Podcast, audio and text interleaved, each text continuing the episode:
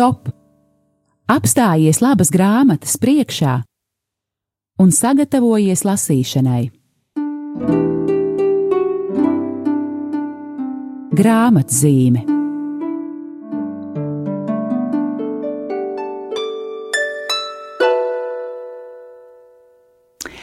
Esiet sveicināti, mīļie klausītāji!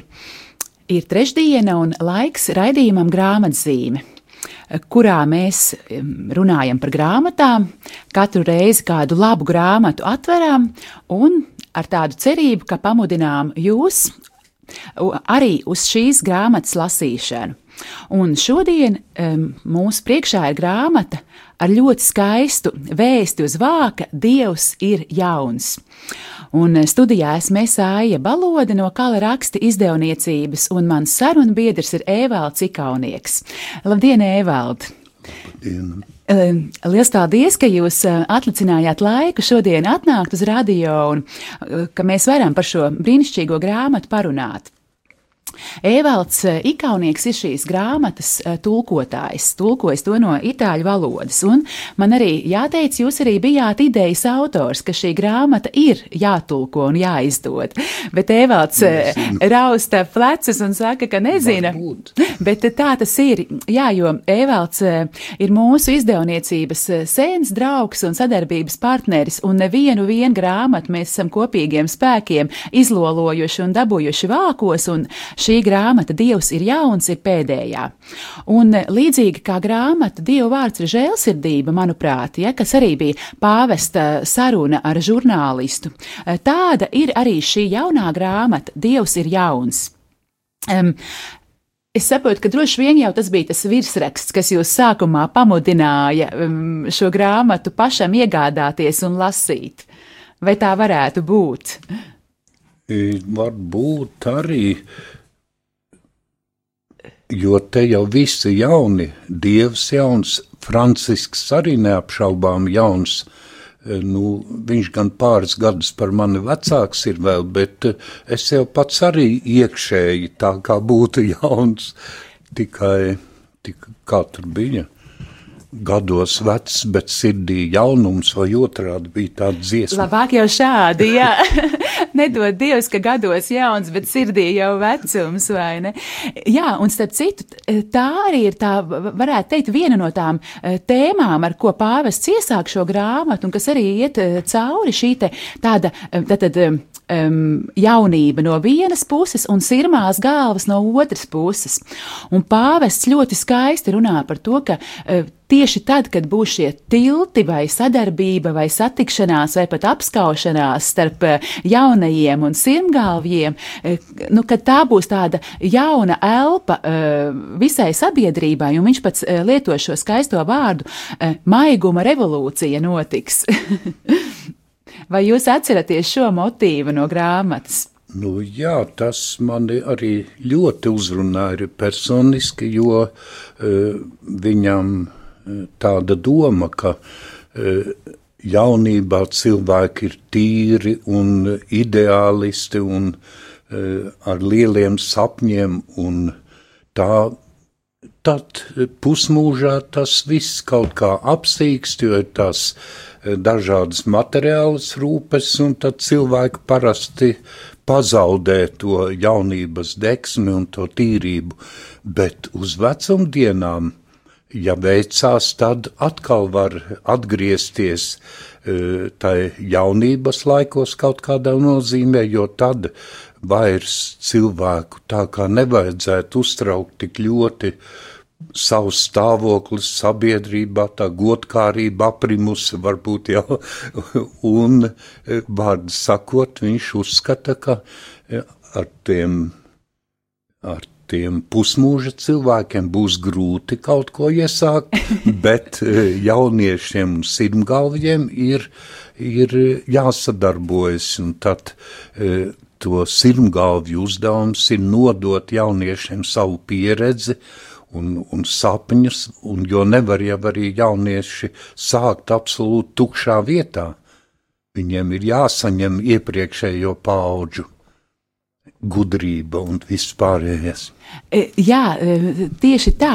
Un e, varbūt šo tēmu turpinot, es šodien atradu tādu mūsu izdevniecības pagājušā gada mieram tuvu izdevumu Un, eh, kā zināms, mēs gaidījām eh, pāvestu ne tikai šīs grāmatas iznākšanu, bet arī viņu pašu Latvijā. Un mums bija tāda rubrika pāvestu gaidot mieram tuvu grāmatiņā. Un eh, vienā no šiem rakstiem priesteris Andris Marija Jerumans arī rakstīja par šo grāmatu Dievs ir jauns un par šo tēmu. Un es atļaušos izlasīt, jo man šķita ļoti skaisti, ko, ko priesteris raksta. Jaunajā grāmatā jūtama pāvesta doma, cik tā ir svaiga, radoša un nenovecojusi, kā arī tas, cik ļoti tajā ir spēks veicināt mūsu domu. Izvirzot apgalvojumu, Dievs ir jauns, pāvests norāda uz to, ka patiesais jaunības avots ir Dievs, jo viņš ir mūžīgs. Grāmata palīdz saprast, ka arī ticība nekad nenoveco jo tā atver durvis cerībai uz mūžīgo dzīvi. Ja cilvēks atjaunojas svētajā garā, viņš it kā piedzimst no jauna, dieva jaunība ienāk viņā un atjauno dvēseli. Un pēc tam priesteris Andris runā par Nikodēmu, eh, par Nikodēmu tikšanos ar Jēzu un par šo aicinājumu piedzimt no jauna. Un līdz beidzot viņš atkal nonāk pie šī, e, e, šīs tēmas, kas ir paudžu tikšanās, un raksta: Pāvests runā par to, ka paudzēm ir jāsatiekas. Pieaugušie un sirmgalvji nereti izvēlas palikt uz drošiem pieredzes pamatiem. Savukārt jaunie steidzas uz priekšu, pravietiska gara pārņemti. Abām paudzēm ir jāsatiekas, jaunie velk uz priekšu, bet pieaugušie nedrīkst jaunos atstāt vienus. Jaunatnē ir vajadzīgas saknes, ko var dot tikai pieaugušie. Šis dubult pienesums ir svarīgs baznīcā, un tas ir absolūti vajadzīgs visā Latvijas sabiedrībā. Nenoslo, nenoslāpēsim pravietisko jaunatnes gāru, mudina Francisks, un būsim pieaugušie, kas nepārtrauc sapņot. Nu, vai nav skaists pamudinājums? Ļoti precīzi izteikta pamatdoma. Jā, tieši tā. Eh, lūk, varbūt pie šo pamatdomu eh, noformulējuši, tagad ievilksim kādu muzikālu pauzi, jeb elpu, un eh, tad sarunu turpināsim.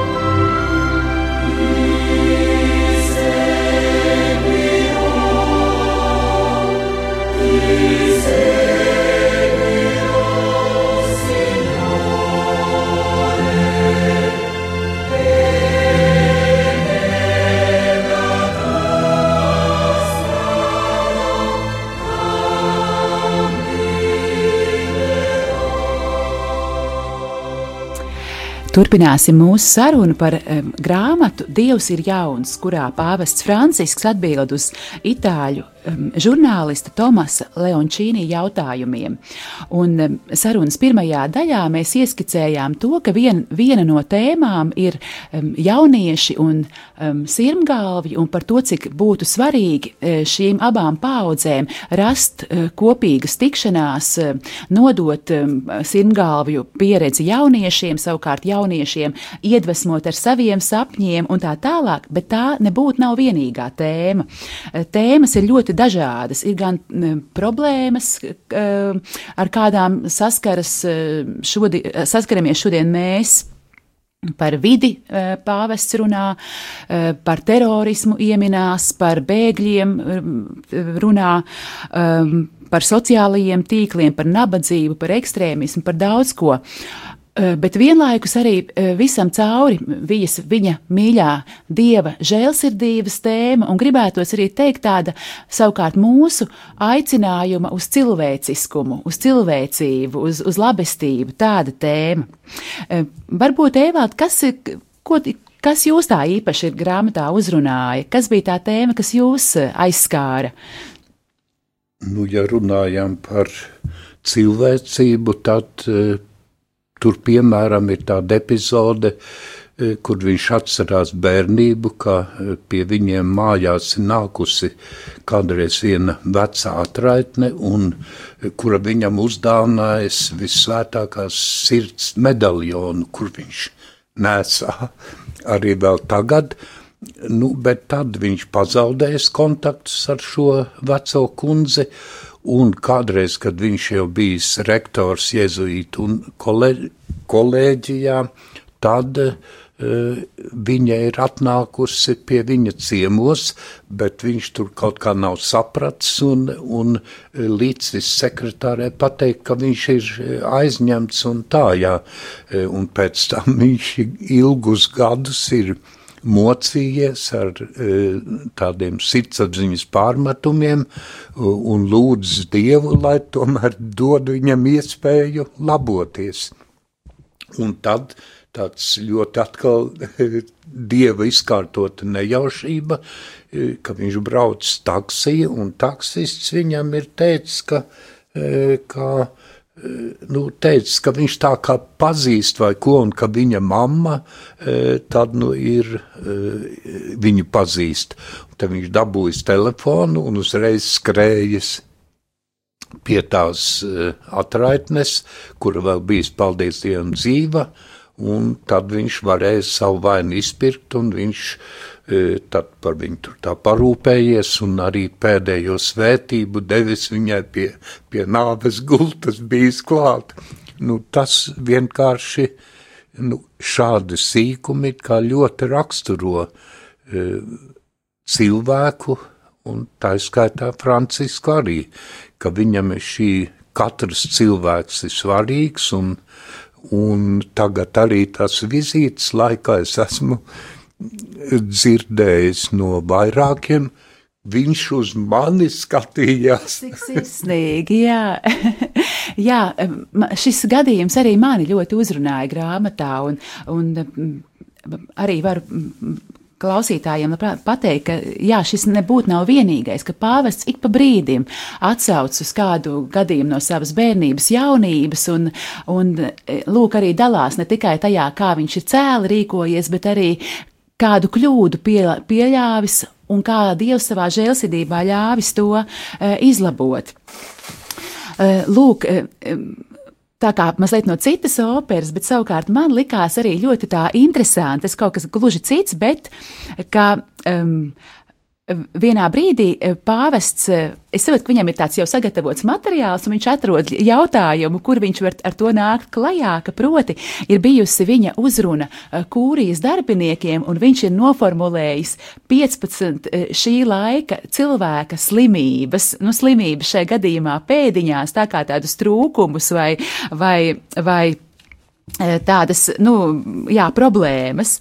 Un, Un, un man šķiet, ka īstenībā tas varētu būt arī tiešām tāds varbūt ieteikums priesteriem. Man šķiet, ka uz šo 15 slimību tāda, to, tām tēmām tur sanāktu ļoti interesantas rekolekcijas, jo patiešām tur ir ļoti tāds liels un plašs tas spektrs, un ja tā palasa, nu jā, tas uz mums visiem attiec. Nu, piemēram, klausītāji, pirmā slimība ir justies nemirstīgam vai neaizvietojamam.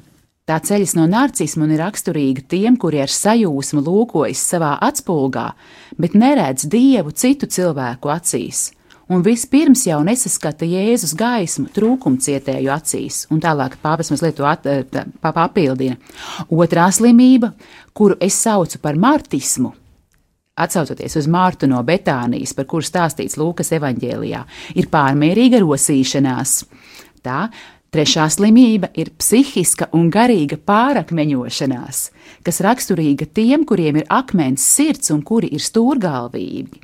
Un tā tālāk, un tā tālāk. Ah, un tad vēl man ļoti patika astotā slimība eksistenciāla schizofrēnija. Man šķiet, pāvests vienkārši kolosāls ar to, nu, ka viņš, um, kā saka, reizēm arī ir ļoti nesaudzīgs, ja, un tā tālāk. Schizofrēnija izpaužas tā, ka dzīvo divas dzīves, viena ir tā, ko citi redz. Ko tu rādi, tieši jau, tā, un otrs, ir... kas notiek tevī, vai ne, un tā tālāk, tā ka, mīļie, klausītāji tiešām iesaka šīm, te, šīm te, um, slimībām pievērst uzmanību, un jā, varbūt arī, kāpēc nē, tagad tieši gavēņa laikā padomāt, kas, ar kuru no tām um, mums būtu pēdējais brīdis sākt ārstēties. Lūk, bet pēc tam uh, tas žurnālists uzdod jautājumu, kas tad varētu būt tāds nu, vissmagākais pārkāpums, ar ko mēs sirkstam? Un pāvests atbild: nespēja justies vainīgiem.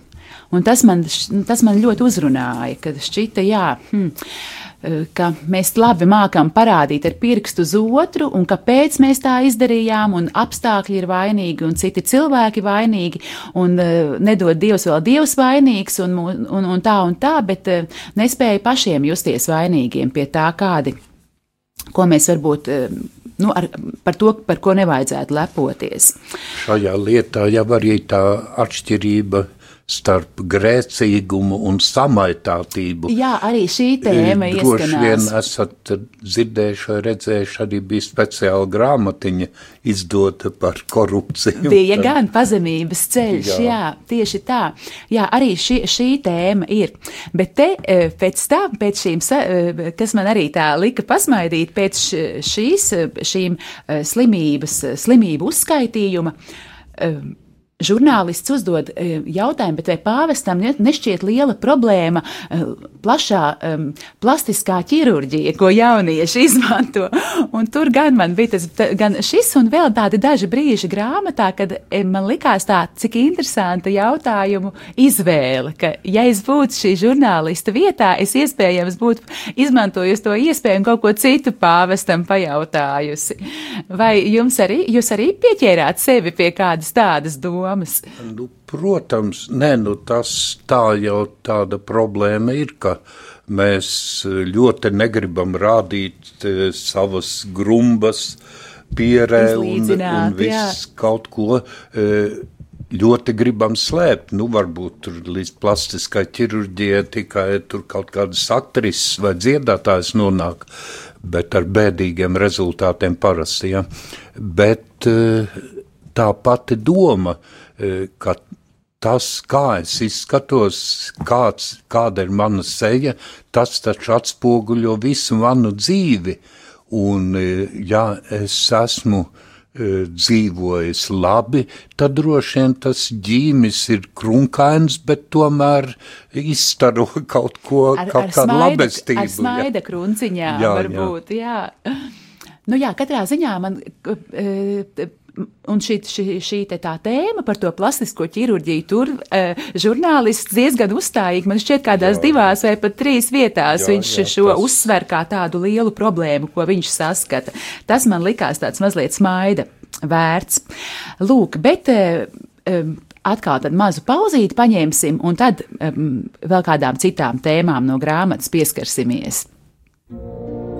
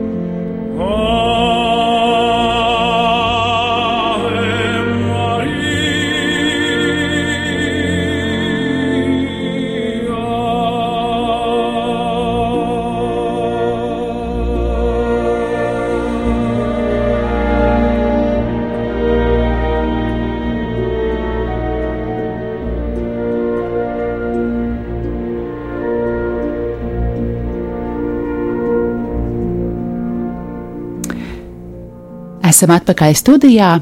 Un šodien ar grāmatas tulkotāju Evaldu Ikaunieku runājam par pāvesta Franciska grāmatu Dievs ir jauns.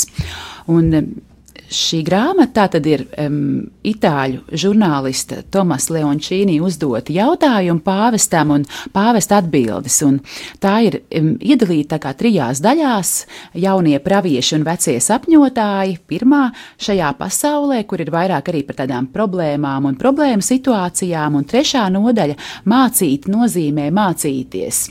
Un kamēr skanēja skaistā mūzika, jūs sacījāt, Evald, ka arī no šīs um, nodaļas jums kāda tēma bija īpaši uzrunājusi. Šeit eh, viņš atzīmē, ka patiesai kultūrai ir trīs valodas - galvas valoda, sirds valoda un roku valoda. Un mums izglītībā ir jācenšas eh, gan jauniešiem un bērniem iemācīt gan domāt, gan just, gan darīt.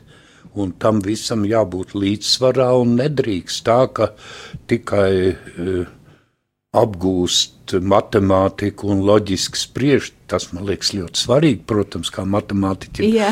Bet, eh, bet arī ir jābūt jūtu kultūrai un ir jāprot arī pašam kaut ko izdarīt, ne tikai gudri spriedelēt.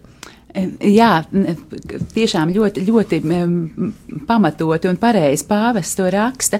Un jā, varētu teikt arī, ka šajā trešajā nodaļā viņš kaut kādā ziņā apmet tādu loku un atgriežas arī pie šīm paudžu sadarbības jautājuma. Un vēl viņš tur saka, ka um, arī šiem audzinātājiem vai skolotājiem, ka arī šis process vienmēr ir divos virzienos. Ka audzinātājs māca, bet arī pats mācās. Un ka svarīgi tiešām, ka arī šis audzinātājs vienmēr paliek ar atvērtu sirdi un atvērtu prātu, būdams gatavs mācīties no tā, kuru viņš māca.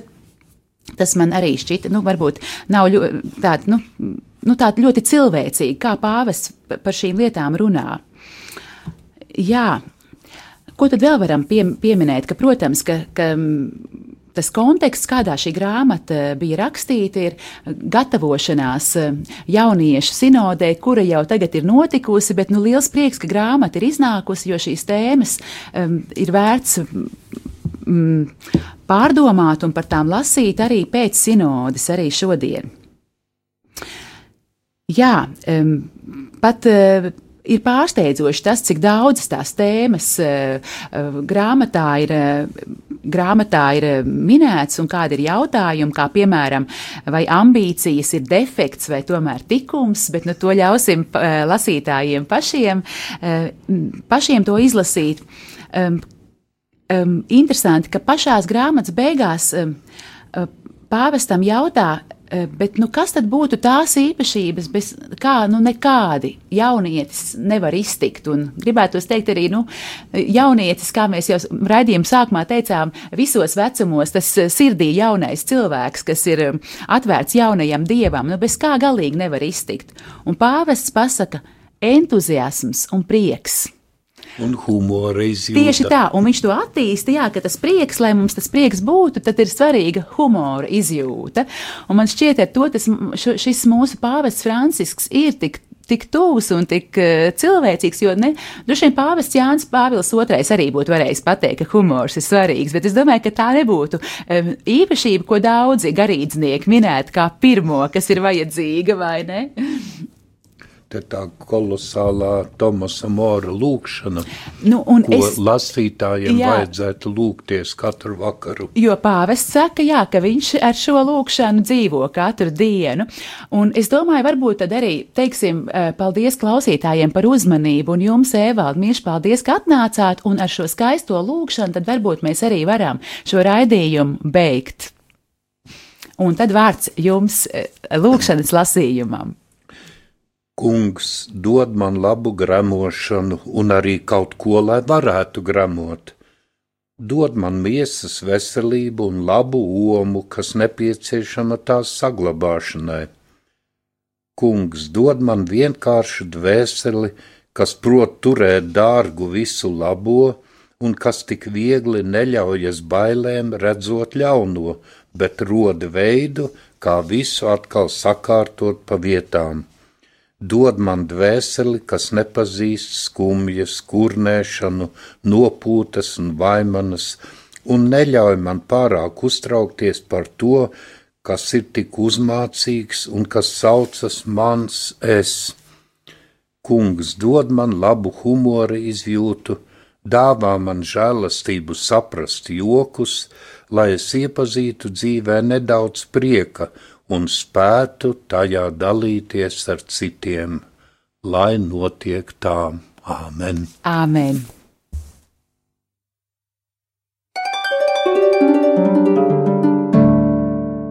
Stop!